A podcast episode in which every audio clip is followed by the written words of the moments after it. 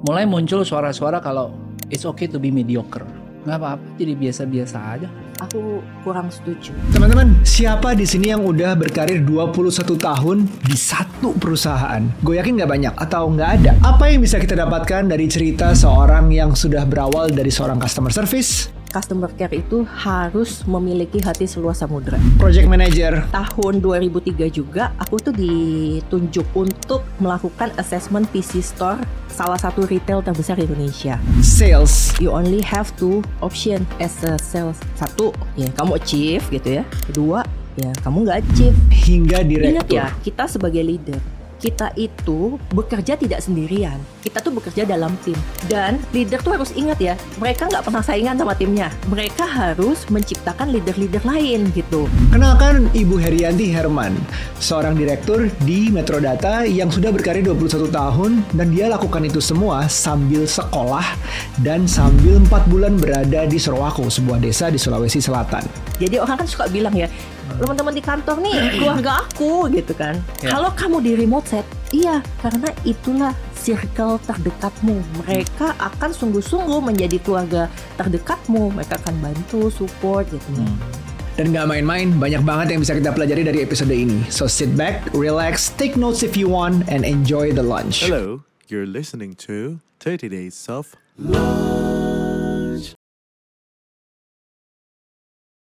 pengalaman pertama year one jadi sales nggak tahu kalau bulan Desember itu yang namanya kasir tutup lebih awal. Jadi biasanya minggu kedua tuh udah tutup. Sementara aku dengan percaya dirinya dengan semua backlogku itu ya udahlah tenang aja aku mau aku Masih chief lah pasti ada waktu. Hmm. Aku cuti. Setelah itu ternyata pada akhir tahun pas tutup aku kurang satu juta tujuh ratus lima puluh. Terus gimana? Ya, terus abis itu bosku bilang, "Uh, you are a sales, you only have two option as a sales. Satu, ya kamu achieve gitu ya. Kedua, ya kamu nggak achieve. Jadi you are winning or you are lose gitu. Jadi nggak ada tuh istilahnya lu hampir achieve.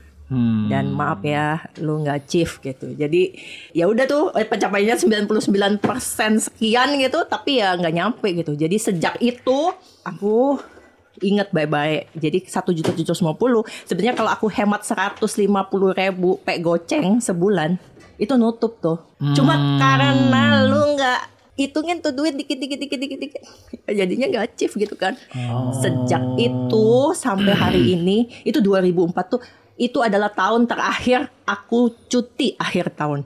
Jadi tahun 2005 sampai dengan tahun 2022 akhir tahun aku nggak pernah take annual leave. Demi Di Desember. di Desember. Demi memastikan semua BAST, semua invoice tepat waktu. Karena Wow. aku nggak berani ada kagetan-kagetan di di belakang hari gitu ya. Iya, iya, iya. Dan sejak itu semua kos mau itu 100 ribu, 200 ribu semuanya aku lihat. Lah itulah akhirnya kenapa aku dipanggil Cici. Bukan artinya Cici Cici like aku Cici dibilang lu Cici asli pelit gitu loh Iya, iya, ke mana-mana iya, yang iya, bawa kalkulator. Kalkulator, iya, Eh, Untung hitung-hitung pasti untung pakai ada nama merek kalkulator tuh keluar.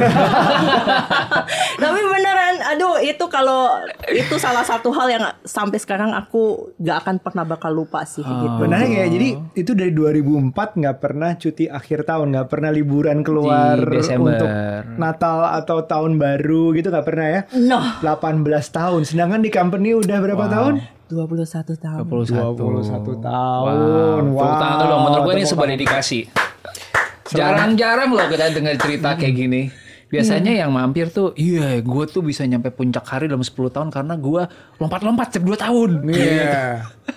Ini 21 tahun dengan 18 tahun terakhir nggak ngambil cuti akhir tahun. Tapi cuti di bulan lain boleh dong. Iya, biasanya aku akan cutinya tuh di bulan uh, November, Oktober gitu. Jadi aku Ah, early gitu. iya, iya, Dan iya. tapi yang pasti juga aku selalu ambil cuti itu biasanya di Januari. Jadi aku Oh. aku bersama rekan direksi yang lain gantian. Jadi kalau pas lagi sincian, nah, nah aku baru cuti tuh gitu. Oh, eh. Tapi kalau Natal, Hmm. tahun baru, aku standby. Make sense ya. Jadi berasa kayak setelah gue kerja capek-capek, rewardnya di Januari gue rehat sebentar Yes. gitu. Benar, itu bagus, metode yang bagus. Nah ini Ya, ya. cerita dong awal-awalnya itu itu sales di tahun 2004, berarti sekitar tiga tahun masuk ya, bener gak sih? Yes. Iya, itu awalnya apa? Awalnya sales. Ini cerita dari awal karir lah, gimana bisa seseorang bertahan 21 tahun di satu perusahaan. Ini pasti ceritanya seru nih. Gue sambil makan nyimak ya. Mau Monggo monggo. Tahun 2002. Ya, saya ingat ingat banget ya waktu itu pas waktu bulan Juni. Jadi waktu itu baru lulus kuliah, Oke. belum wisuda, Hmm. applied ke beberapa perusahaan. Nah, salah satunya adalah waktu itu saya keterima kerja di Metrodata. Oke. Sebenarnya sebelum Metrodata saya pernah sih keterima juga uh, di tempat yang lain gitu ya. Tapi ngerasa bahwa loh kok gajinya kecil banget ya. Emang aku segini kan gajinya gitu ya. Terus habis selesai setelah ngobrol-ngobrol, kayaknya enggak deh. Kayaknya aku bisa dapat sesuatu yang lebih gitu ya. Setelah itu akhirnya aku coba apply ke Metrodata dan diterima. Jadi ini ya buat teman-teman semua, kalau berdoa harus spesifik Oh iya iya iya. ya. iya, iya. Jadi kan aku berdoa gini, Tuhan, aku pengen kerja. Kalau bisa nih Tuhan ya, pekerjaannya itu sesuai dengan aku banget lah. Satu, related dengan IT karena aku backgroundnya adalah teknik informatika Bina Nusantara. Yang kedua adalah jangan terlalu banyak ngoding, Oke. IT tapi nggak ngoding. IT tapi nggak ngoding. heeh. Iya. Yang ketiga adalah sesukanya aku ini ngomong gitu. Jadi Oh, Tuhan kalau banyak boleh kayak gitu ya Iya, gitu. iya, iya. Eh, ternyata dijawab lu sama Tuhan. Tahu nggak jadi apa? Jadi apa di awal? Jadi customer care. Customer care di perusahaan IT. Customer care di perusahaan IT. apa lengkap tuh di Jadi aku ngerasa Oke. bahwa oh ya ternyata doa aku dijawab sama Tuhan lah ya gitu. Nah, tapi ternyata ya nggak semudah itu loh. Jadi customer care di perusahaan IT. Hmm. Aku pikir ya udah aja sih customer care terima telepon gitu kan. Hmm. Ternyata ada banyak sekali cerita di belakang profesi seorang customer customer care. Hmm. Karena apa? Customer care itu harus memiliki hati seluas samudra. itu sumpah banget ya. Maksudnya sepositif apa pun kamu jadi manusia gitu ya. Pagi-pagi dengan mental semangat gitu ya. Iya. Itu kamu masuk ke dalam ruangan untuk menerima telepon. Biasanya telepon itu kalau nggak orang nanya sesuatu butuh informasi, yang kedua orang akan komplain. Iya, ada Berapa persen komplain biasanya bu? Banyak ya, hampir kalau Lebih aku banyak daripada orang nanya kan? lebih banyak hampir 85-90 persen itu adalah orang komplain jadi enggak orang dalam mode hati riang gembira terus bilang Iya. hai aku mau cerita sama kamu enggak Jadi sih nelfon udah dalam keadaan setengah kesel gitu. Ini Udah kenapa siap meluap gitu ya. produknya nggak bekerja dengan baik gitu misalnya. Itu pengen rasanya udah setengah pengen marah-marah. Apalagi kalau customer care-nya atau customer care-nya nggak menawarkan solusi biasanya. nah itu naik lagi gitu. betul nah itulah penting buat kita paham ya bahwa pertama kali kita masuk bekerja kita sadar bahwa kita ini adalah garda terdepan perusahaan karena kita adalah orang yang paling dekat dengan pelanggan. Itu adalah pertama kali mungkin bagi mereka untuk bertemu dan berinteraksi langsung dengan metrodata gitu kan. Nah, kita harus memberikan sapaan, layanan yang baik kepada mereka gitu. Nah, caranya gimana?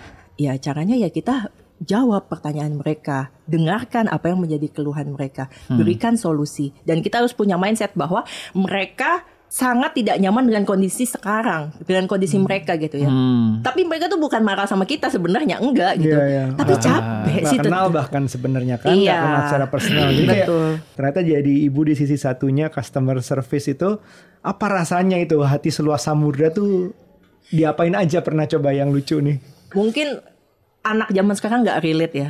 Jadi tahun 2002, tahun 2002 itu belum ada yang namanya Google Map ya. Karena Google Map tuh baru ada tahun 2005. Aku ini anak daerah, aslinya dari kota Lubuk Linggau, Sumatera Selatan ya. Hmm. Jadi kuliah di Binus di Jakarta Barat gitu ya. Nah waktu itu saya terima telepon dari uh, dari salah seorang ibu-ibu customer. Dia mengalami masalah dan dia butuh untuk dijadwalkan untuk kunjungan untuk perbaikan printernya dia gitu. Nah jadi waktu itu uh, aku tanya. Ibu, saya boleh minta nggak alamat lengkap ibu ada di mana gitu? Ibu tinggal di mana gitu? Terus dia bilang lah gitu. Saya di Four Seasons dia bilang gitu. Oke, itu di mana bu? Di jalan apa gitu? Aku langsung dibentak loh. Ya. Langsung dibilangin, kamu nggak tahu Four Seasons di mana gitu. Terus aku pikir, oh ibu mohon maaf, saya kurang tahu. Boleh bu, eh, saya harus mencatatkan dengan lengkap alamatnya di mana gitu ya. Di satu sisi aku kesel dong. Iya. Ya biasa aja dong bu, jadi orang. Gak usah ngegas. Gak gitu. usah ngegas. Pelan-pelan gitu. Pak Sopir. iya kan, aku kan ngerasa aku salahnya di mana gitu. Iya, iya, iya. Nah tapi di sisi lain, ya kan kita nggak nggak selesai ya kalau cuma mengasihani diri seperti itu Betul. gitu. Akhirnya eh, setelah itu aku bilang sama temen-temen di temen di kantor, kayaknya aku harus paham deh gedung-gedung gitu ya. Oh. Ap- apartemen. Jadi aku mau akhirnya. Jadi akhirnya aku belajar tuh. Akhirnya aku apalin tuh gedung tuh. Oh, jadi ibu nginep di Four Seasons abis itu. Enggak sih. Aku harus punya apartemen di Four Seasons. Enggak sih, enggak sampai situ sih. Akhirnya aku jalan, aku lihat oh ini jalan ke Setiabudi. Oh, Iya, iya. ini yang namanya Four Seasons. Oh, ini yang namanya gedung yang namanya Landsmark. Oh, ini namanya Kota BNI. Oh, ini namanya Wisma BNI. Semua gedung-gedung di Jakarta akhirnya saya Iya, saya iya. coba Iya, explore gitu. ya. Kalau sebelumnya cuma lewat-lewat aja sekarang ya kenapa enggak gitu? Kenapa Iya, daripada aku berkeluh kesah dengan si ibu itu begitu Iya, ya betul. instead apa yang aku bisa pelajari sih dari situasi ini gitu kan. ya udah gitu. Jadi gara-gara ibu itu aku setiap kali lihat gedung ini gedung baru nih apa nama gedungnya? Jadi aku nyimak tuh gitu. Oh ini ini ini gitu. Untung belum pakai kata-kata biasanya apa? Kamu nggak tahu siapa saya? Wah. Wah, biasanya kan kalau komplain kan iya, kayak iya, gitu. iya, iya, iya, iya. Nggak tahu emang bu. Nggak, nggak, nggak tahu. Saya cuma tahu suaranya sama namanya. Ya. dari dari customer service itu lanjut ke mana? lanjut menjadi uh, onsite engineer Onsite engineer. onsite engineer. Jadi uh, waktu itu tahun 2003 ya saya ingat banget uh, kan kita punya satu divisi kita sebut divisi kita adalah managed services di mana kita memberikan layanan kepada pelanggan untuk menyediakan resident engineer. Jadi ada uh, tim IT yang kita tempatkan di pelanggan. Nah saya tuh yang ditempatkan sebagai pelanggan. Nah ini juga lucu dan menarik karena saya sebagai onsite engineer, tapi saya sebagai tim backup, jadi kayak backup unit gitu loh, dipindahin dari sini ke sini ke sini ke sini gitu. Jadi ditelepon gitu, di pagi ini kamu tolong ya ke ke misalnya wak- salah satunya uh, ke Citibank gitu. Ya udah, kamu ke pagi ini kamu ke Citibank ya, Ti gitu. Oh iya, oke gitu. Terus sudah jalan sampai Citibank, ternyata ada tim yang yang sakit juga gitu. Misalnya waktu itu di ConocoPhillips. Ya udah, tuh Ti, kamu sekarang ke ConocoPhillips ya gitu Hmm. Ya lumayan juga jadi harus belajar gitu harus belajar. Kalau di Citibank environmentnya seperti ini gitu. Kalau di Conofil- ConocoPhillips environmentnya beda lagi gitu ya. Hmm. nah tapi menariknya adalah eh, semua itu menjadi pembelajaran bagi bagi aku yang mana sekarang teman-teman dan customer yang ada di sana sekarang jadi customer kita semua gitu. Jadi eh, nggak nggak melihat itu sebagai sebagai suatu yang kita harus apa ya berkeluh kesah. Kok gue di di pingpong gitu ya di lempar-lempar ya. Nggak nggak gitu gitu. Justru itu adalah kesempatan oh aku mendapatkan kesempatan belajar ada di lingkungan ini. Di situ di sini di situ. Dan nggak semua orang punya kan gitu. Ini aku ngebayanginnya waktu customer service jalan-jalan di Jakarta ngelihat gedung dari luarnya dengan nama-nama kantor itu. yes. Setelah onsite engineer ya masuk dari dalam ke kantor-kantor itu. iya betul Lengkap ya pengalamannya. Itu onsite engineer tuh kerjanya em, kayak ad- bapak-bapak IT di kantor gitu nggak sih yang suruh printer saya rusak. yes Itu ya. Iya. Itu Nah, juga nerima komplain juga dong. Betul. Nah, ka- ada salah satunya tuh kalau yang di Konoko Philip tuh mereka sebutnya sebagai action center gitu. Jadi kita harus sapa ya. Um, setiap kali dering telepon tuh aku pasti nyapa tuh ya pakai standar. Um, kalau di Metro Data misalnya Metro Data selamat siang dengan Titi ada yang bisa dibantu gitu. Sampai handphone juga begitu. begitu udah udahan kerja masih ngangkat telepon begitu. Nah, selain sebagai help desk kan aku juga sebagai desktop support first level kan Oke. ya ngangkat-ngangkat PC juga Oh. gitu. Jadi ya dikerjain gitu. Ya standar lah, nggak terlalu sampai uh, heboh gitu. Ya tadi yang tadi dibilang pertama, karena minta sama Tuhannya nggak jadi developer kan. Eh, kalau developer duduk doang, Duduk ini doang coding gitu, ya. Ya, Udah sesuai doa ini emang ya. Udah doa, sesuai doa. Nah, tapi menarik aku mau cerita sedikit. Jadi di tahun 2003 juga aku tuh ditunjuk menjadi salah satu project manager untuk uh, melakukan assessment PC store salah satu retail terbesar di Indonesia. Oke. Nah, kala itu itu adalah assignmentku pertama kali menjadi project manager. Jadi spesifik dari customer bilang "Eh, kami butuh weekly report gitu ya. Oke. Jadi aku bilang sama teman-teman, eh teman-teman kita kan harus buat weekly report ya. Kita harus submit setiap hari Senin. Gimana caranya nih supaya weekly report itu nggak telat gitu kan? Caranya adalah kita harus koordinasi nih teman-teman, kita harus disiplin. Supaya bisa jadi weekly report tepat waktu, kalian harus komit buat daily report. Oke. Tapi jangan ngebayangin pakai WA ya, zaman dulu pakai mesin fax. Ya, eh, kita perlu jelasin nggak mesin mesin fax itu apa gitu? Ya bayangin aja lo kayak ngirim SMS tapi keluarnya lewat sebuah printer. Iya, benar. Yang keluarnya teks gitu ya, Iya. ada tulisan. Ya. Oke. Eh, jangan diangkat, gue mau terima fax gitu Iya ya. benar, benar, Nggak benar, boleh- benar, benar. nggak boleh diangkat benar, kan? benar, benar, benar, benar. Eh sebentar, kertasnya habis. Iya benar. Jangan ngirim dulu ya. Bingung nih, bingung. Bingung, bingung, bingung.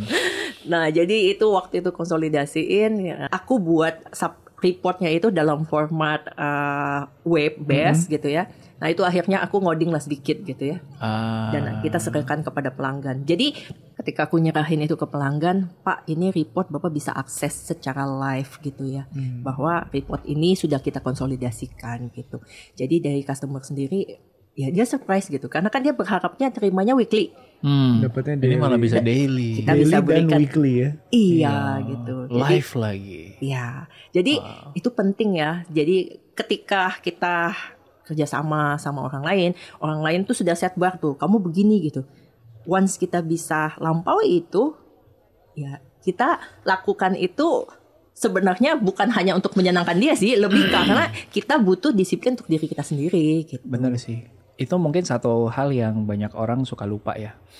Zaman sekarang ini aku ngeliat banyak anak muda tuh merasa diperbudak. Makanya muncul istilah budak korporat. Hmm. Right? Padahal pada akhirnya lu kerja buat siapa sih? Kerja buat diri kita sendiri gitu. Kalau lu berhasil di sebuah project kayak tadi Titi gitu ya.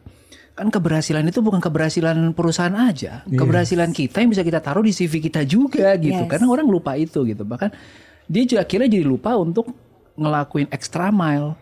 Padahal walaupun dari extra mile tadi kelihatannya kayak kerjaan lebih, tapi kan kita bisa cerita Yes.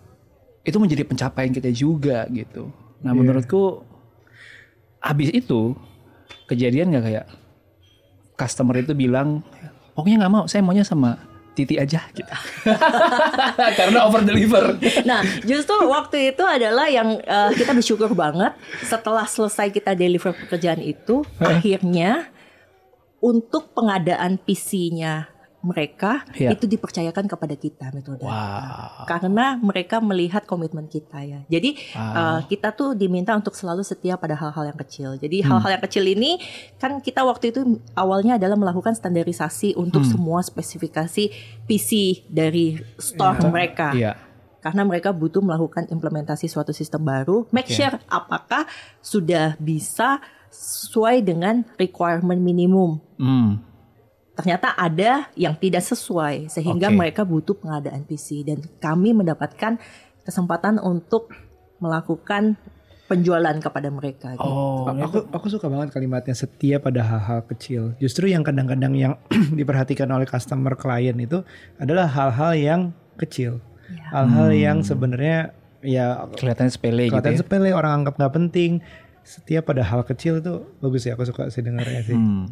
Hmm. Katanya bukan cuma aku denger nih bukan cuma kerja ya. Karena merasa kurang masih sekolah lagi. Masih ada waktu, Bu. Oh, iya, jadi Diain aja, diadain. Jadi gini loh. Awal pertama kalinya itu adalah yang tadi yang sempat disampaikan nama Aryo adalah aku belajar diploma 1 London School untuk public relation. Ini rel- relate banget dengan pengalaman aku sebagai customer service. Aduh, ini biar apa? Biar em, apakah ini bagian ditawarin oleh kantor kan biasanya Enggak kan kantor sih. suka ada edukasi. Enggak, Biar karena bet- biar aku ngerti. Aku ini sebagai customer service nih value ku nih apa bagi organisasi? Ini di tahun ke tahun ketiga. Ini di tahun kedua tahun kedua bu kenapa nggak pindah aja kalau pertanyaan orang kan ya kan Iya. biasanya kalau belajar sendiri modal sendiri lagi gitu. Ah, kan. ah, kenapa nggak oh nih gue nggak cocok nih di sini gue nggak bisa nih gue pindah aja Iya, gitu. iya. Gini loh, kan sebenarnya kan kita dapat kesempatan. Iya. Kita malah bersyukur dong kita melalui proses ini gitu Iya, kan. oke Nah, jadi yang yang kita harus mengerti adalah ya nggak apa-apa kan kalau misalnya aku sekolah pun kan yang mendapatkan manfaat aku. Hmm. Jadi ya nggak ada masalah dong. Aku mau invest, invest itu kan ada di aku dan Hmm, iya. ilmu itu ada di aku dan tidak ada orang lain bisa ambil itu dari aku. iya iya iya. Hmm. Jadi aku yang butuh. Jadi Iya. istilahnya kenapa sekolah jawabannya butuh, butuh Hmm. butuh gitu. Yes, Bu Titi bener banget. Kita butuh investasi di diri sendiri. Dan kita harus spesifik juga. Seperti sertifikasi di beberapa bidang yang memang dibutuhkan industrinya. Untuk beberapa industri, sertifikasi memang dibutuhkan. Apalagi yang berhubungan dengan IT atau digital. Metrodata Academy melalui Metrodata Training dengan pengalaman 25 tahunnya bisa jadi pilihan nih. Sambil kerja, sambil investasi diri. Sertifikasinya nggak abal-abal. Karena Metrodata Training hanya bekerja sama dengan provider ternama dengan sertifikat bertaraf internasional. So, mulai investasi ilmu kamu di Metrodata Training, kunjungi metrodataacademy.id untuk info lebih lengkapnya. Nah, di sanalah aku belajar yang tadi aku bilang bahwa satu bahwa customer service itu adalah unit paling penting di organisasi bahwa aku adalah garda terdepan perusahaan. Bahwa apa yang aku sampaikan itu merepresentasi merepresentasikan perusahaan. Artinya apa? Artinya aku punya peran sebegitu besar loh. Bahkan di sekolah itu juga aku sadar bahwa si level belum tentu dapat kesempatan berinteraksi langsung loh dengan customer. Benar sih. tapi aku bisa Hmm. dan ketika mereka hubungi kita, itu mungkin pengalaman pertama mereka hubungi kita. Iya. Dan apa yang akan Iya, kita benar. berikan kepada mereka, First perasaan impression, ya. apa yang kita ingin berikan, dan perasaan ataupun uh, experience saya pelajari bahwa itu sesuatu yang bisa diciptakan. Jadi kita Hmm. bisa buat loh orang dari dari komplain, marah, kita mau buat itu menjadi suatu proses di mana masalahnya dia apa. Bagaimana kita bisa bantu dia Hmm. untuk menyelesaikan masalah itu. Nah, hal itu akan menjadi kesempatan untuk kita memperbaiki citra perusahaan Hmm. gitu. Nah, hal inilah yang aku pelajari dan aku merasa tetap aku merasa aku bersyukur bahwa aku ada di tahun 2002 jadi customer service sehingga di tahun 2003 aku ambil London School untuk public relation gitu. Gak berhenti sampai situ sih mas. Abis itu aku pikir lagi, oh ya aku perlu kuliah lagi ya. Akhirnya aku lanjut juga ambil Wait, serius habis diploma terus ambil S2. ambil S2. Iya, sambil kerja juga gitu. Jadi udah udah sebelum sebelum kerja udah S1. Sudah. Tambah tambah diploma. Iya, Tambah S2. Itu Iya. semua dilakukan sambil kerja. sambil kerja. Nah, itu langka sih. Ibu langka sih kayaknya. kayaknya. S2-nya waktu itu apa Ibu? Eh, general management. General Management. Itu sama karena butuh ngerti juga Hmm. gitu. Karena ketika di organisasi kita butuh tahu ya apa sih yang mendasari pemikiran seorang CFO. Kenapa sih orang finance nih kalau misalnya uh, kita sudah bisa jualan nih ya, Ya. Mas. Kita bisa jualan tapi customernya nggak bisa bayar gitu. Aduh ngomel terus ya. Yang namanya yang namanya ER ya, AR gitu. itu Iya. ngomel terus gitu. Akhirnya aku belajar, oh apa itu cash flow, bagaimana uh, forecast untuk uang masuk, uang keluar itu penting gitu. Hmm. Atau kita bicara mengenai kenapa sih orang HR selalu ribut mengenai uh, turnover gitu. Jadi dapat angle-nya, oh karena ini, karena ini gitu. Jadi uh, belajar adalah kesempatan untuk kita membuka wawasan gitu. Gua penasaran sih tapi yuk karena sebagai orang yang menjadi CS-nya podcast kita ya. Ya, karena yang bacain komen kan kita ya. Dan kadang-kadang tuh komennya tuh kayak ini orang tuh ngomong apa coba. Apa nggak bisa difilter dikit gitu bahasanya gitu. Pernah gak sih pengalaman yang emang ini udah sampai gue udah nggak kuat lagi dah. Aduh, ini ada ada ya klien model kayak begini gitu ya. Sampai omelannya atau mungkin komplainnya sampai separah itu, tapi you manage to turn it around gitu. Ada nggak case-nya? Kita itu butuh waktu dua menit untuk mengelola dan mengartikulasikan emosi kita. Hmm. Dan sangat wajar kalau kita baca komentar atau kita dengar sesuatu yang tidak baik dan memicu amarah kita, it's normal. Ya nggak apa-apa. Itu artinya kita beneran manusia, men. Iya gitu ya. Bukan AI yang ngejawabin ya. Bukan. Jadi uh, beri waktu kepada diri sendiri. Kalau memang kita marah, kita ih kok dia begini banget gitu ya. Tapi jangan bereaksi Hmm. selama dua menit. Atau nggak teleponnya di mute dulu terus. Ya. Kalau kalau di case aku customer service biasanya kita speaker. Oh. Jadi jadi kayak kita semuanya seruangan tahu oh Titi lagi dimarahin gitu. Oh, gitu. Mm-mm. Terus teman yang lain kasih semangat gitu. Waiting gitu. Waiting, waiting gitu. Enggak sih, ada yang syukurin juga. nah, Nah, jadi terus terus dua menit. hah? dua menit. Nah setelah itu biasanya uh, kita kan punya ini ya, punya cermin tuh di samping mejanya kita tuh. Jadi kita harus pastiin kita lihat terus kita ketawa Oh gitu. no, oh no. Iya iya itu kalau jadi ya banyak lah customer yang yang marah-marah gitu ya. Aduh sudah yang berkata-kata kasar juga banyak gitu. Sampai aku ngerasa ya ampun Tuhan kok aku gini amat ya gitu kan. Makanya aku bilang pagi sudah pakai semangat gitu. Redup juga kalau udah udah makan siang gitu. Jadi selalu pesan adalah bahwa ingat mereka marah dengan situasi yang mereka hadapi. Mereka nggak marah sama kita. Nah, yang perlu kita lakukan adalah kita dengerin apa sih yang menjadi pain point mereka. Kita follow up dan kita harus kasih dia waktu. Misalnya, oke Ibu, uh, bagaimana kalau saya jadwalkan untuk kunjungan tim engineer kami ke lokasi Ibu? Apakah Ibu available pada hari ini? Kita kasih tahu kalau kita bisa jam berapa gitu. Dan setelah itu kalau engineer-nya kita udah berangkat, kita kasih tahu dia juga, Ibu, saya dengan Titi, saya mau menginformasikan sesuai dengan jadwal kita akan datang. Engineer kami yang akan berangkat namanya si ini Bu, dia sedang dalam perjalanan. Hmm. Nah selesai nanti kan engineer-nya kasih laporan ke aku bahwa udah selesai kan. Nah aku akan menginformasikan dia lagi, Ibu uh, bagaimana tadi? Apakah permasalahannya sudah selesai gitu. Nah jadi uh, kita dampingi dia dalam perjalanan ini gitu. Jadi dia tahu bahwa dia tidak ditinggal sendirian. Sampai akhirnya dia mengatakan, oh iya udah selesai kok Mbak Titi. Akhirnya udah nggak marah lagi kok.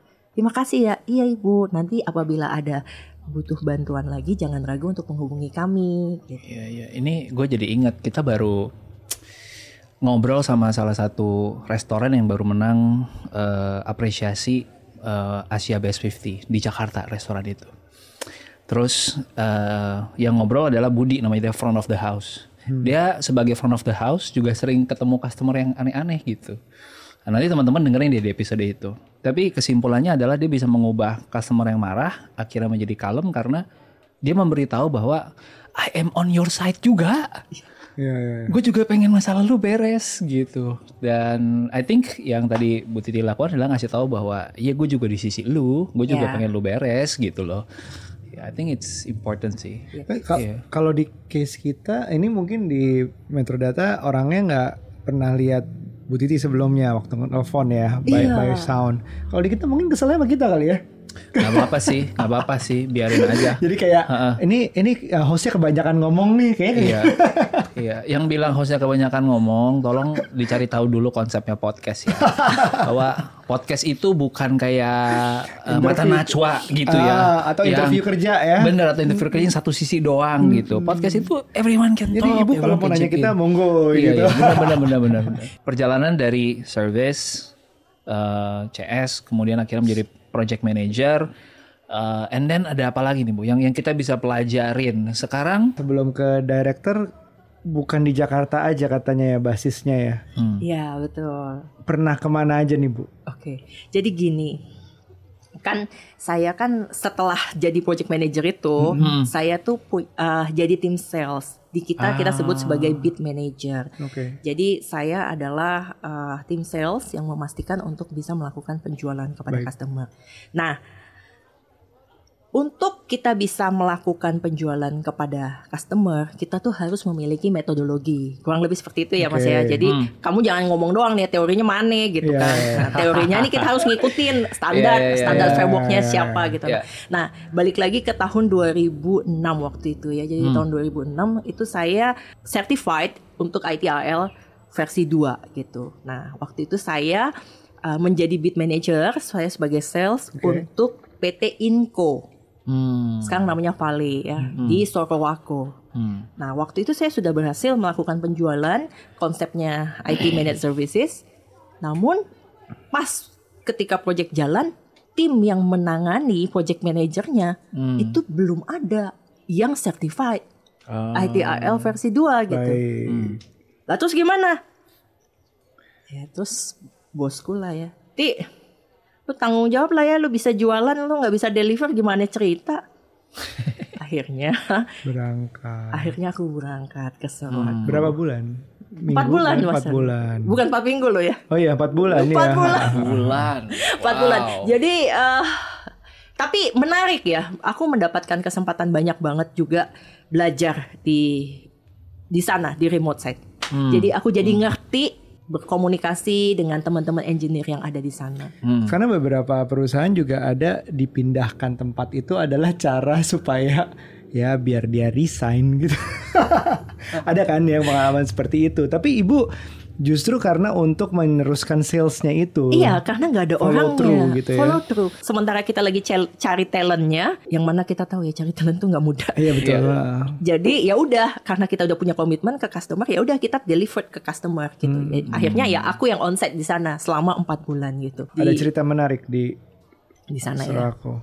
Pertama ya, ternyata uang itu bukan segalanya. Itu yang aku pelajari dari keseharian aku berinteraksi dengan teman-teman di remote site. Oh iya. Gimana? tuh? Kalau misalnya ada orang bilang, ya udah nanti dia suruh aja berangkat ke remote site ke misalnya contoh ke Sorowako. Nanti kita kasih dia aja tunjangan gitu, sekian gitu. Enggak. Karena apa? Kamu kasih uang, tapi kamu tidak bisa compensate waktu dia pergi jauh dari keluarganya. Apalagi kalau dia sudah punya anak, udah Iya, punya iya, istri gitu ya. Jadi eh, tidak segampang itu dengan pola pikir seperti itu ya gitu. Kemudian yang kedua adalah aku jadi punya kesempatan untuk paham definisi keluarga. Jadi orang kan suka bilang ya, teman-teman di kantor nih keluarga aku gitu kan. Nah, kalau kamu di remote set, iya, karena itulah circle terdekatmu. Karena kamu jauh dari mana-mana, ya kamu deketnya sama teman-teman ini gitu. Dan mereka akan sungguh-sungguh menjadi keluarga terdekatmu. Mereka akan bantu, support gitu ya. Dan yang nggak kalah pentingnya adalah bagaimana aku mendapatkan kesempatan mengenal mereka secara pribadi utuh. Jadi kenal, oh si ini kelakuannya begini, ini begini gitu. Atau sampai lebih kenal lagi dalam gitu ya. Itu semua akhirnya kita bisa jadi sangat dekat. Akhirnya kita bisa itu bekerja yang kita bilang bisa ngomong dengan hati jadi nggak perlu nggak kadang-kadang kalau lagi kerja tuh nggak perlu pakai ngomong bro gini gitu nggak usah dia sudah tahu oh kita lagi butuh support dia lagi butuh bantu apa jadi itu nyaman banget dan sungguh-sungguh aku bersyukur bahwa aku punya kesempatan menghabiskan waktu selama empat bulan di Sorowako gitu. Selain di sana memang lokasinya juga sangat indah ya. I see, sangat indah. Menghabiskan waktu juga di akhir pekan sama-sama mereka gitu. Berenang di danau. Iya keluarga lah ya. kalau dipikir-pikir lagi lihat foto ya dulu ya. Aku cewek sendirian mereka cowok-cowok semua Oh loh gitu. berenang di danau. Kalau sekarang kayaknya aku mikir lagi deh kalau mau jebur tuh ke danau. Ada fotonya Tapi pressure kerjanya apakah sama atau justru lebih berasa pasti Sorowako itu? jujur karena di sana itu kan ritmenya semuanya teratur ya. Iya. Jadi kita tuh berangkat tuh pagi jam setengah tujuh gitu. Harus cepet semua orang nggak boleh pakai telat-telat. Oke. Karena berangkatnya bareng-bareng kan. Oh, Kan kita pakai mobil untuk Iya. ke lokasi gitu kan. Nah waktu itu kita berangkat dan kita udah tahu gitu fokus kerjain dan dan ya udah kita kerjain semua pekerjaan kita dengan dengan baik. Jadi interupsi itu nggak terlalu banyak sih menurutku. Oh. Dan di sana tuh justru malah menurutku agak aku slowing down ya. Dari sisi pace tingkat stres Hmm. di sana jauh lebih nyaman. Karena gitu. indah karena, Karena begitu selesai pulang jam 4 kita bisa main sepeda dong ke Iya. danau gitu. Jadi ini selama di sales, jadi dari customer service, uh, project manager, sales, boleh project manager operasional lah ya, boleh Iya, dibilang ya operation. Terus ini sales. Iya. Uh, pindah divisi lagi? Ada lanjutannya? Iya, setelah itu aku jadi promote kan jadi manager. Terus Sales. manager operation, balik lagi ke oh, operation. balik lagi ke operation. ke operation, kemudian uh, manage people. Nah, itu juga salah satu yang challenging ya. Jadi kita manage tim banyak kan. Mm-mm. Manage tim itu kalau di tempatnya kita kan sekarang kan jumlah total karyawan manage service kita tuh udah hampir 2000 orang. Hmm. Yang ibu manage dulu jumlahnya? Dulu sekitar seribu lah ya, seribu ya, Wow, seribu ya, oke. seribu. Jadi gini, kita mungkin nggak bisa kenal mereka satu persatu. Ya karena Ya. ini drastis dari yang suruh aku sedikit, timnya kecil. Iya, Ya, ya. terus Sekarang mengenal gede. lebih banyak kan, Ah, karena kan kenal site-site yang lain juga Iya, kan, iya, gitu. Iya, iya. Ya, tapi ya kita perlu kita sebut kita ngadain acara yang kita sebut sebagai all hands meeting Hmm. untuk berkumpul supaya setidaknya kita silaturahmi lah. Gimana caranya kita bisa minta tolong karyawan kita bekerja dengan baik dan benar, kenal aja kagak. Hmm. Jadi ya namanya juga manusia ya, engagement tuh tetap butuh gitu. Tapi seribu orang bu, gimana engaging Nah, seribu kita orang? butuh tim. Ingat ya, kita sebagai leader, kita itu bekerja tidak sendirian. Ah, Kita tuh bekerja dalam tim. Dan leader tuh harus ingat ya, mereka nggak pernah saingan sama timnya. Jadi leader, oke.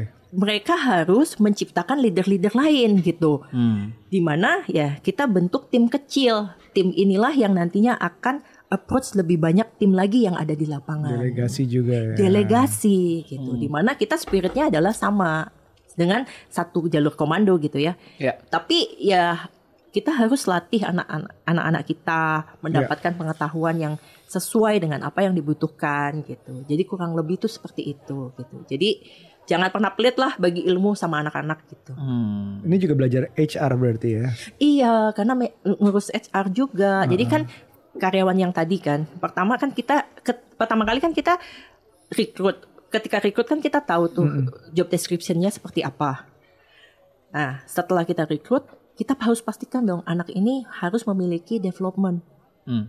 supaya dia bisa berkembang menjadi lebih baik.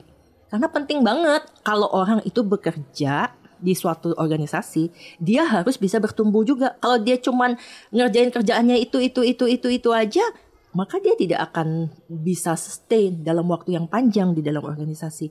Maka organisasi harus bantu dia mengembangkan potensi dirinya. Nah, setelah dia mengembangkan potensi dirinya ya kita harus pikirkan bagaimana sukses succession plan untuk dia promosi atau pengembangan karir dia ke depannya seperti apa. Nah, itu kita juga harus pikirkan gitu. Karena pada dasarnya semua daripada kita kan ya kita ingin terus menjadi lebih baik gitu. Hmm. Terus mendapatkan akses yang lebih baik gitu. Menurut kayaknya semua semua divisi dijabanin nih. Kayaknya di belakang tuh ada mastermindnya deh yang ngatur. Kayaknya gue pengen nih Bu Titi udah ke sini sini sini sini dulu baru abis itu gue promosi dia ke level director ya nggak sih berasa kayak gitu nggak sih Bu Ah, gimana ya ngomongnya ya? atau semuanya berasa organik aja gitu natural Oke, jadi gini, kalau kita di Metrodata kita itu punya yang namanya performance evaluation. oke Jadi semua orang daripada kita di organisasi itu memiliki key performance indicator. Hmm. Jadi kita su- sudah punya tuh baseline. Kamu harus ngapain sih di tahun ini Ya. gitu. Nah, inilah yang menjadi acuan untuk kita lihat apakah kita sudah bekerja dengan baik atau tidak. Hmm. Jadi nggak pakai feeling nih. Gue kerjanya udah mati-matian gitu. tapi kayaknya Dave, enggak eh, eh, enggak maksudnya kalau Iya, orang iya. bilang gue kerjanya udah mati-matian tapi bos gue nih nggak bisa ngerti Nggak deh gitu kan Iya, iya, nggak iya, bisa iya. ngelihat gitu Nah, kalau di kita nggak kejadian tuh kayak gitu karena apa pun yang kamu kerjakan on that. based on that terrefleksi gitu hmm. jadi kamu tahu posisi kamu ada di mana gitu Hmm, nah itu juga yang menjadi acuan untuk kita penilaian di akhir tahun. Nah ini juga lah yang nanti akan kita evaluasi. Kan kita punya nilai nih karyawannya ini apakah dia memiliki performance yang baik atau atau pas atau B lah ya B B, B aja gitu biasa biasa gitu udah bagus bagus banget gitu. Hmm. Nah kita punya poolingnya gitu, Ruby. Jadi dia ada di mana gitu. Bagi karyawan yang memang memiliki potensi yang baik, kemudian dia juga memiliki karakter yang baik, dia ada di talent pool yang kita sebut sebagai star. Nah, di sanalah karyawan-karyawan ini yang akan mendapatkan kesempatan untuk memiliki jenjang karir yang lebih cepat dibanding dengan rekan lainnya. Ah, Dan kita di Metrodata itu tidak mengenal senioritas. oke Gimana tuh cerita? Ada cerita menarik Iya, mungkin? iya. Ini terjadi di Metrodata. Oke. Di beberapa orang juga terjadi. Jadi bisa aja nih contoh nih.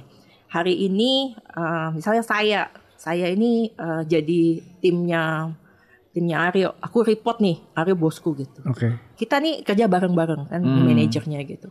Seiring waktu kita memiliki tugas dan tanggung jawab masing-masing gitu ya. Ini di area departemen sini, ini departemen sini. Kemudian ada kesempatan ini naik menjadi division head gitu. Kemudian ini juga nih dapat kesempatan naik jadi division head. Kemudian ada kesempatan lagi untuk jadi direktur misalnya gitu. Ya. Dan waktu itu siapa salah seorang dari direksi kita dipromot menjadi direktur gitu. Hmm, yang tadinya Yang tadinya adalah bawahannya gitu. Oh. Sekarang adalah ya bisa jadi dia report ke Jadi anak buahnya. jadi itu Anak mungkin berdasarkan Oh. performance bisa naik gitu ya. oke. Iya, jadi posisi atasan jadi bawahan Iya. itu possible gitu. Tapi gini, semangatnya adalah bukan bukan untuk kok kok jadi begitu ya? Enggak ya. Cuman maksudnya kita lakukan semuanya secara profesional dan Yeah. semuanya bisa melihat bahwa ada kualitas di dalam dirinya Ya. yang memang ah, dia bisa mendapatkan posisi ini. 22 tahun, 21, 22 tahun, 21. 21 tahun. Faktor apa aja sih atau faktor kita urutkan yang besar-besar yang bikin ibu bertahan? Apakah memang rencananya dari awal saya mau di perusahaan ini yang pertama saya kerja sampai pensiun di sini A- atau saya udah ngincer jadi direktur di sini gitu. Apa sih yang kejadiannya yang bisa kok bisa bertahan 21 tahun kita yang nonton tuh juga banyak yang ya dua tahun pindah setahun pindah wah ada gaji lebih gede nih gitu Hmm. Yang pertama ya, kita harus sadar bahwa kita berkarya. Aku selalu bilang definisi kita tuh bukan aku tidak cuma bekerja loh, aku ini berkarya. Berkarya di dalam organisasi. Kemudian ada satu tujuan besar yang harus nyambung nih antara organisasi dengan pribadi. Gitu. Kemudian yang kedua, aku ingin sekali memiliki dampak bagi orang banyak dan aku merasa bahwa sektor teknologi adalah salah satu sektor industri yang mem- memungkinkan untuk percepatan dampak, itu dilakukan. ya ya ya, ya. Nah, kalau misalnya aku bantu di salah satu salah satu bank ya, misalnya contoh seperti yang tadi sampai disampaikan oleh Ruby uh, terjadi fraud gitu ya, kan aku support ya salah satu bank, Hmm.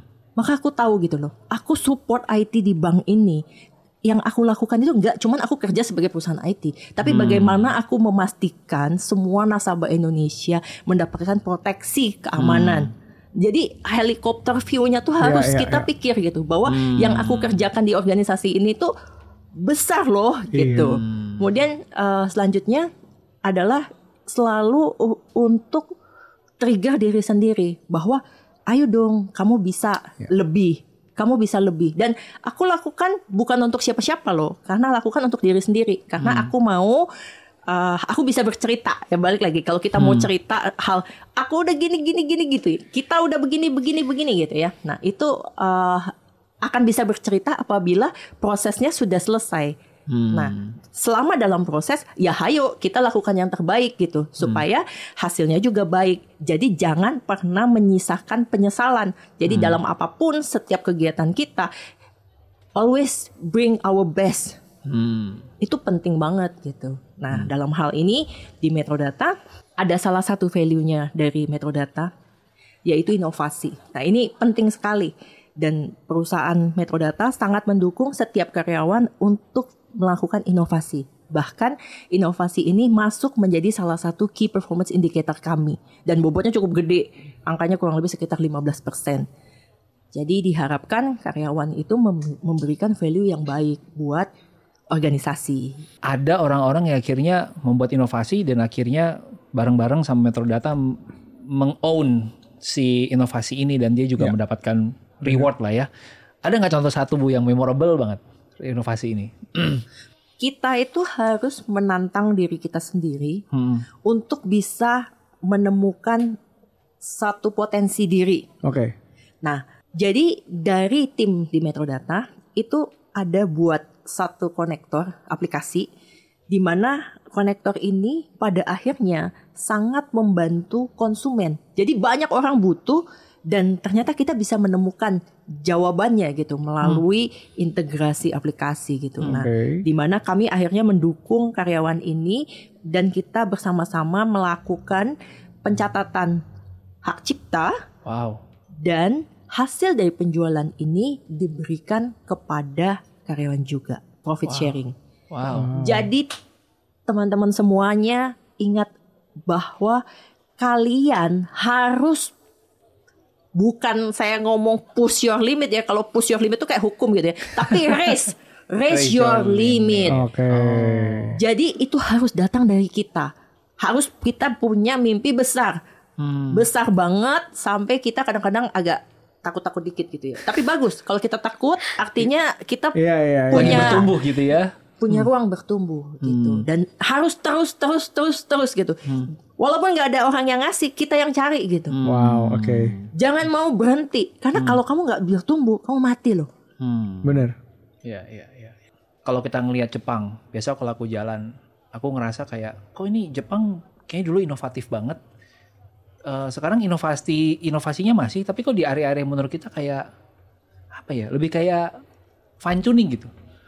Gitu. Kelihatannya nggak penting-penting banget, tapi kok pas dilaka- dilakuin kok penting juga ya. Misal, aku kemarin lagi nyari tahu ini kenapa nih? botol sabun ini kenapa bentuk kepalanya begini? Gitu. Aneh banget tidak biasa saya melihat botol sabun bentuk seperti ini.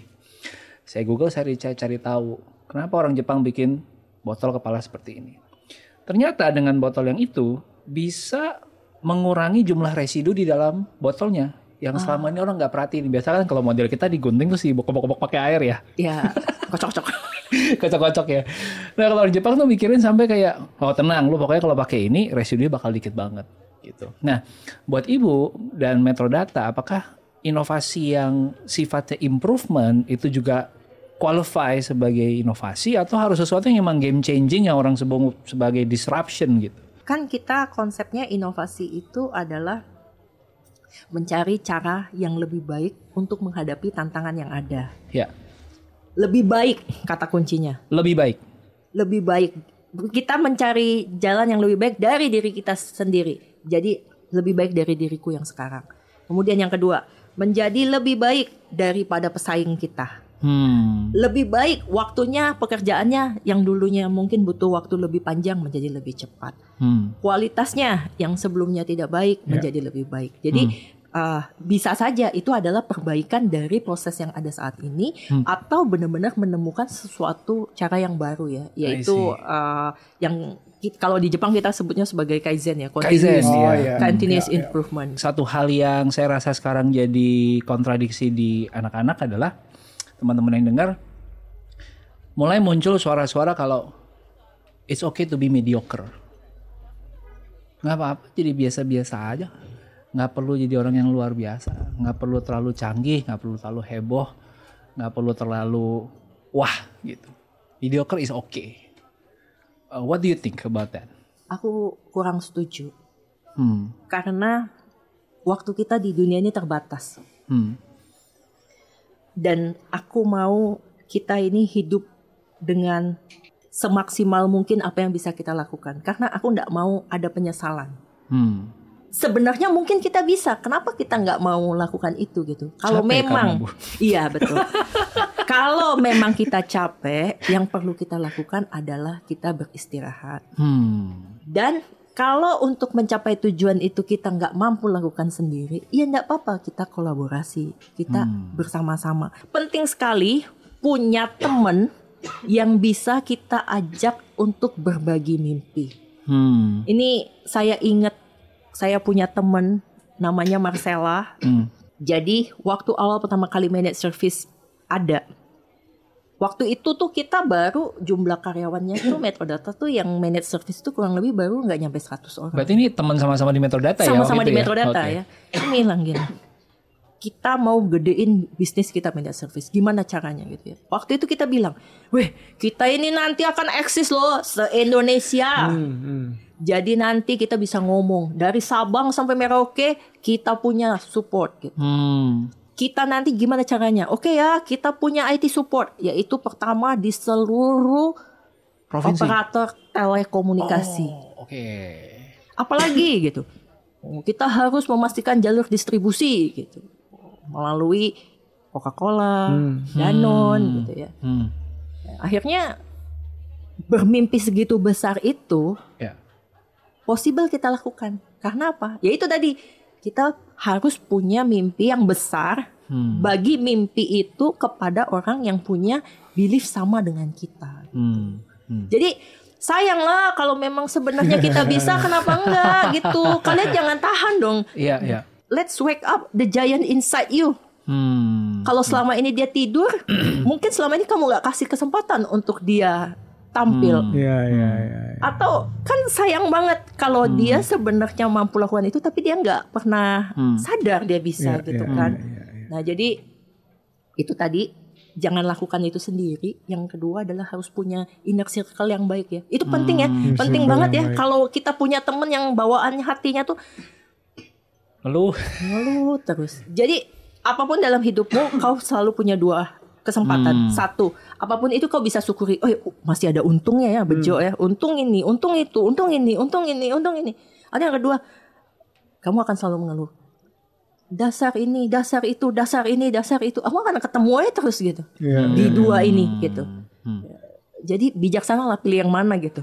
Hmm. Total keputusannya ada di tangan kita. Jadi jangan sampai kita salah pilih gitu. Aku tuh penasaran sebenarnya kalau boleh kembali ke awal gitu kan. Menurutku perbedaan generasi itu lumayan mempengaruhi. Kan eh, sama-sama alumni BINUS ya. Ya. Tapi saya beda 10 tahun gitu. Tapi menurutku 10 tahun itu jadi matters karena kita ada di fase yang saya pun ngerasa saya masih masa transisi. Karena masih ngalamin fax, masih ngalamin ya email yang eh, harus pakai 28,8 kbps gitu ya modem. Tapi 10 tahun sesudah saya udah enggak tuh. Iya nggak tahu Ya kan. Nah, jadi kita masih ada irisan lah. Eh bicara soal kerja bertahan di sebuah perusahaan cukup lama, itu juga ngaruh nggak sih sama bagaimana Bu Titi dan orang tua mendidik? Eh, kalau orang tua sih sebenarnya bukan karyawan ya, karena Iya. papa kan pengusaha, Hmm. pedagang lah ya istilahnya ya. Ya, pada masa itu kayaknya pilihannya cuma jadi pedagang ya. sih emang. Pedagang ya, pedagang bapak pedagang, pedagang. Nah, tapi aku dibesarkan dari keluarga Buddhis. Hmm. Nah, ini uh, ini sedikit intro ya. Iya. Papa papa dari dari Buddhis, sementara saya Katolik gitu. Jadi kita juga udah apa toleransi lah di rumah. Nah, kalau dari papa itu sebenarnya sih terserah ya kita mau bekerja di mana. Iya. Tapi yang paling penting adalah kamu memaknai kehidupan melalui apa yang kamu kerjakan. Hmm. Kamu harus mengerjakan sesuatu itu dengan sebaik-baiknya, Hmm. dengan penuh tanggung jawab Hmm. dan bagaimana pekerjaanmu itu memberikan dampak kebaikan Hmm. bagi orang lain. Hmm. Nah, itu penting banget. Itu dari kecil ya. Aku dari kecil tuh selalu diajarin tuh begitu. Karena papa kan yang tadi aku cerita, papaku agamanya Buddha. Jadi aku diajari banyak nilai-nilai Buddhis gitu. Seperti contoh satu.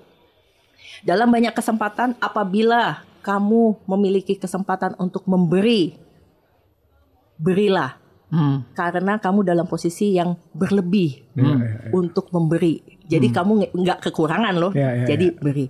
Kemudian yang kedua, selalulah berbuat baik. Oke. Tolong orang lain gitu. Jadi eh, itu yang membuat saya juga untuk selalu ingat. Kemudian yang ketiga, berbuat baiklah kepada semua orang. Karena kita baik sama orang lain, belum tentu orang lain baik sama kita. Apalagi kalau kita nggak baik Ya. gitu ya. Jadi jadi jangan pamrih ya udah gitu. Kayak kayak busur panah ya. Jadi sekali dia lepas dari busurnya, ya udah dia pergi gitu. Jadi aja ya. nggak nggak bumerang dia ceritanya. Iya, ya, nggak balik lagi. nggak balik lagi gitu. Nah, jadi eh, hal-hal itu yang akhirnya membuat eh, membuat saya juga merasa papa juga tahu sih dalam fase-fase kehidupan di, di, di pekerjaan ya selama kamu punya value baik buat orang lain ya udah jalanin gitu. Hmm. Tapi dalam banyak kesempatan kamu harus mempertanyakan keberadaan dirimu. Apakah kamu masih relevan atau kamu bisa berdampak lebih lagi loh. Hmm. Jadi kitanya yang mau, kitanya juga mau gitu, berdampak Hmm. lebih gitu. Jadi jangan cuman eh, ya udahlah gue begini gitu. Kayak yang tadi aku bilang yang mengenai gerakan kampus merdeka, Iya. itu aku bersyukur banget bahwa aku ada di Metrodata Iya. nomor satu. Aku ada di perusahaan IT terbesar di Indonesia. Hmm. Kemudian yang kedua kita punya Metrodata Academy gitu. Ya. Nah, karena ini dan kita punya ruang yang namanya inovasi tadi kan yang aku Hmm. bilang.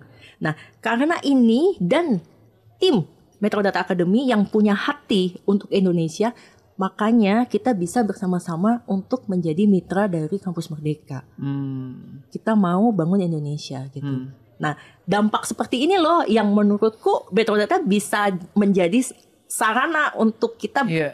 berkarya lebih banyak lagi kepada orang lain gitu. Tapi dengan orang tua yang backgroundnya adalah pedagang atau ya mungkin tipis-tipis pengusaha gitu ya, nggak tergoda bu waktu itu untuk kayaknya enak ya meneruskan kayak karir gitu ya. Mungkin soalnya banyak pendengar kita yang di usia 20-an juga yang ngerasa kayak gue harus jadi pengusaha apa gue jadi profesional gitu. Mungkin bisa kasih insight dari situ. Oke, saya selain as a professional, Ya. saya juga punya uh, satu yayasan pendidikan, Hmm. namanya Yayasan Pendidikan Putra Putri Bangsa di Kota Lubuk Linggau, Sumatera Selatan. Oke. Asalnya ya. Iya, Ya. ini pun terjadi karena begitu rindunya kami untuk mendapatkan kualitas pendidikan terbaik di daerah gitu. Hmm. Jadi tadi kalau Ruby bilang, ya sebenarnya sih jawabannya iya, Papa juga bilang gitu. Pikirin dong apa gitu kan? Ya ya udahlah, oke lah kalau kalau gitu ya udah deh Pak, ini Pak, ini eh, kita coba buat satu yayasan pendidikan sekolah gitu ya. Tapi pada akhirnya kita semua menyadari untuk membangun sekolah ini adalah sesuatu yang jangka panjang Betul. Iya, dan iya. semua hal yang eh, keuntungan yang kita dapatkan dari sekolah ini kita kembalikan lagi kepada sekolah untuk Hmm. pembangunan sarana prasarana gitu. Hmm. Jadi bertahap ya. Jadi sekarang sudah ada TK, Hmm. sudah ada SD, Hmm. juga sudah ada SMP-nya. Oh. Jadi uh, ini adalah uh, satu karya yang lain di luar karya saya di Metrodata. I see. Tapi eh, yang menjalankan full time tentunya bukan uh, Bu Titi dong ya. Bukan. Ini ini yang mengerjakan namanya kebetulan agak mirip ya. Namanya Herianto Herman. ini Koko. Koko. ini Koko. oke.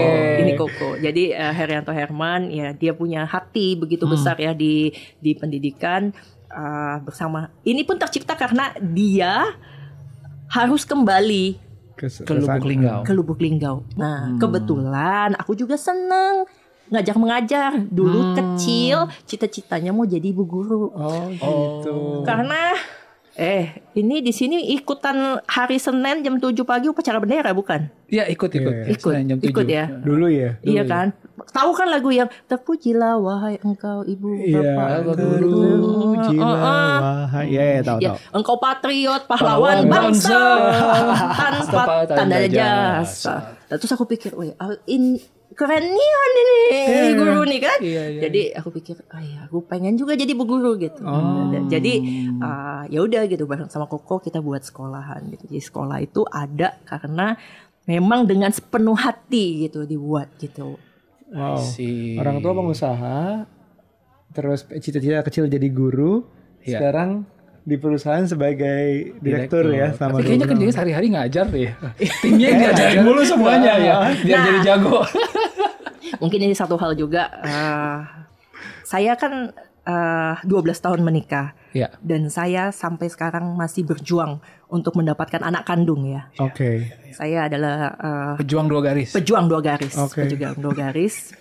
Belum bisa nih eh, ngajarin anak, Anak sendiri, tapi Tuhan baik, Tuhan kasih dan Tuhan titipkan banyak anak-anak di luar sana. Oke. Hmm. Yes, Ya, yes. bersyukur aku punya banyak waktu juga untuk Hmm. bisa latih, didik mereka semua gitu. Jadi dengan semua yang Tuhan kasih, apa sih yang kita bisa berikan Hmm. kepada orang yang lebih banyak lagi? Benar-benar semua berawal dari doa. Iya, berawal dari doa. Kita turut mendoakan ya Bu, semoga dua garisnya terjadi soon.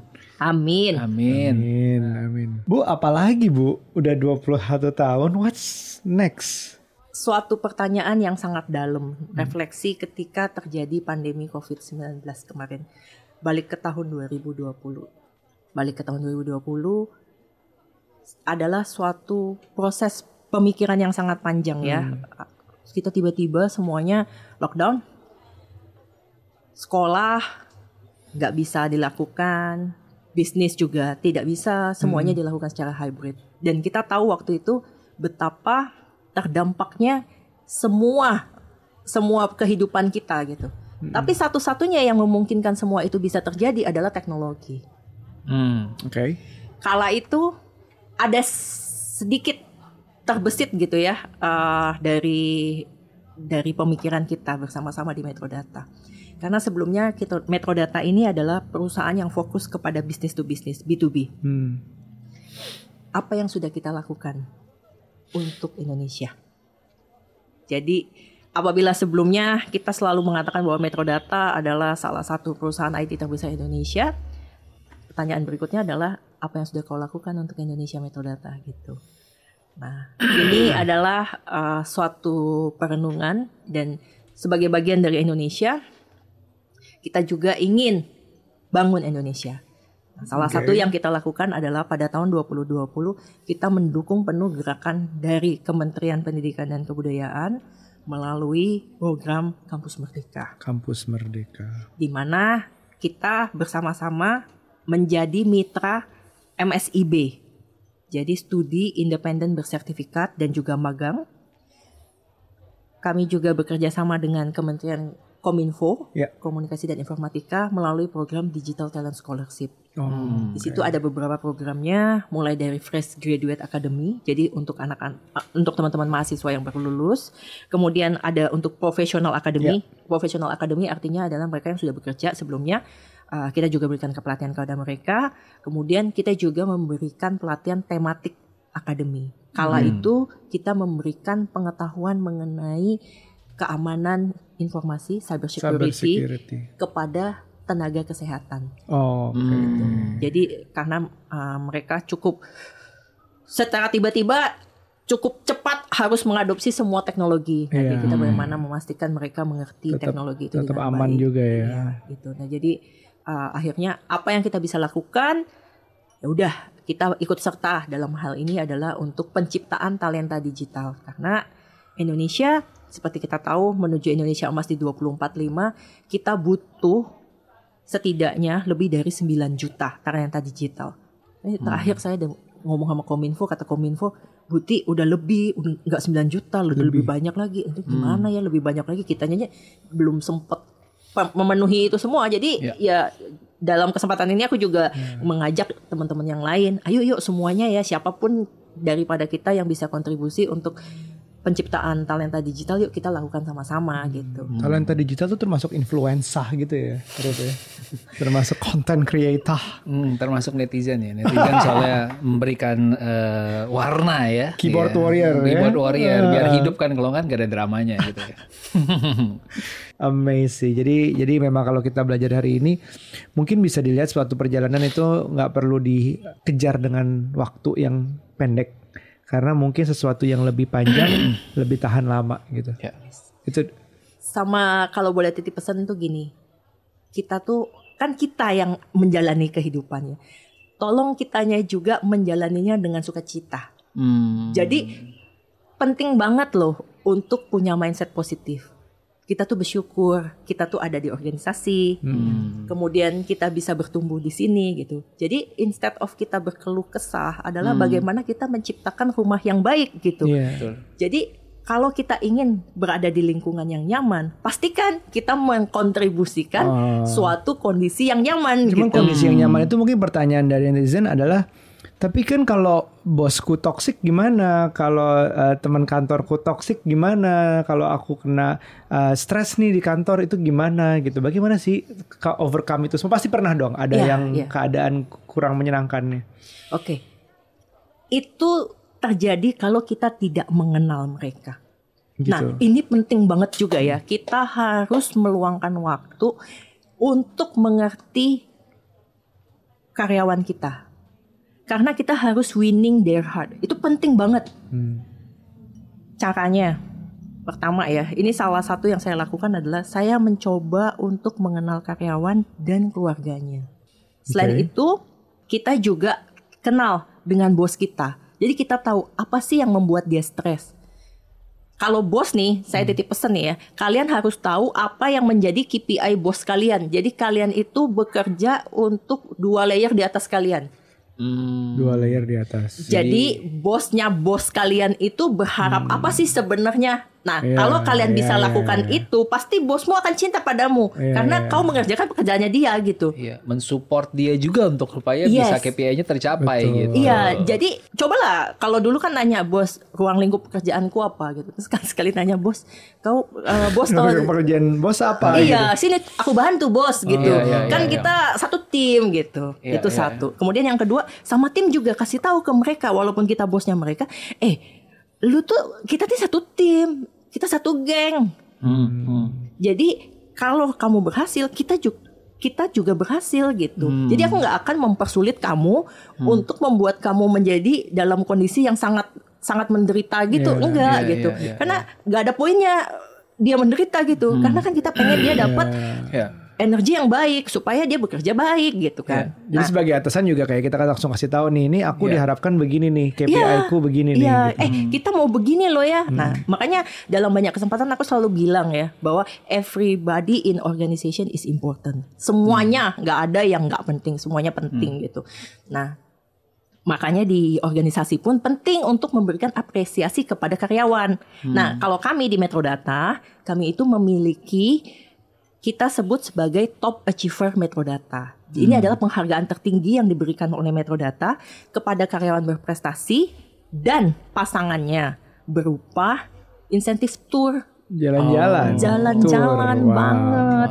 Nah, ini juga salah satu yang uh, merupakan suatu kesempatan lah ya. Jadi kalau dulu tuh aku kayaknya agak-agak ngawang-ngawang lah ya lewat tour and travel ngeliatin wah Switzerland, wah New Zealand gitu ya. Tapi bersama Metrodata loh aku akhirnya bisa ke beberapa negara seperti kit- pergi ke China, ke Australia, Amerika, Italy, Spanyol, Portugal, Switzerland gitu ya. Jadi eh, Amerika gitu. Jadi ada kesempatan yang mereka berikan juga kepada karyawan sebagai apresiasi bahwa thank you ya, Iya, iya. kamu udah lakukan hal yang baik selama satu tahun terakhir dan nggak cuman aku, pasanganku juga. Jadi pasangannya juga tahu. Oh ya, istriku nih kerjanya benar gitu.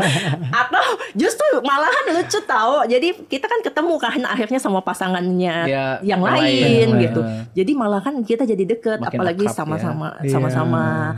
Oh ya kenal gitu. Beberapa juga akhirnya retentionnya dengan hati seperti itu. Oh. Iya, iya, Ah, Aryo. Jadi mereka bilang udahlah ngapain sih pindah-pindah udah di sini aja lah kan iya. kita udah kenal deket Iya, gitu. Jadi sekarang kalau ditanya kamu nggak tahu Four Seasons, saya udah tahu yang di Swiss, Oh, saya iya. tahu di Itali, saya udah tahu udah tahu Four Seasons di mana-mana sekarang ya, bukan cuma Jakarta. Iya, iya, iya, Iya. Orang bilang Ritz Carlton, oh tahu Tahu. tahu tahu. We are ladies and gentlemen, serve ladies and gentlemen. Oh, Oh, udah, iya. udah pernah nginep. Gaya ya. Iya. Thank you banget eh, Bu Titi atau lebih nyamannya dipanggil Cititi ya. Sebenarnya bingung juga di kantor tuh ada yang manggil aku ibu. Heeh. Mungkin hormat kali ya. Iya. Ada yang manggil aku kakak. Iya. Oh, ada yang kakak. Iya, ada yang manggil Cici. Hmm. Panggil kakak Cici. Mm-mm. Yang panggil aku emak juga ada. Banyak ya. Bebas bebas. Yang manggil emak tuh Genzi kayaknya. Iya iya benar. bener bener bener. Ma, Mungkin udah berasa kayak keluarga memang ya. Benar, Iya, benar, iya. benar. Well, gimana Rob? Gue udah iya. belajar banyak banget nih.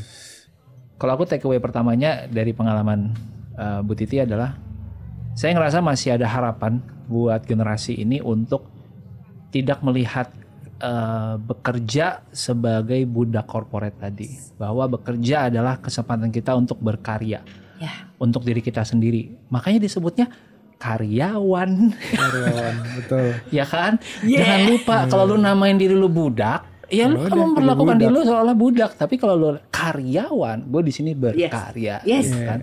Ada hasil karyanya. Ada hasil karyanya, gitu. Dan itu gue akan bawa seumur hidup gue, gitu.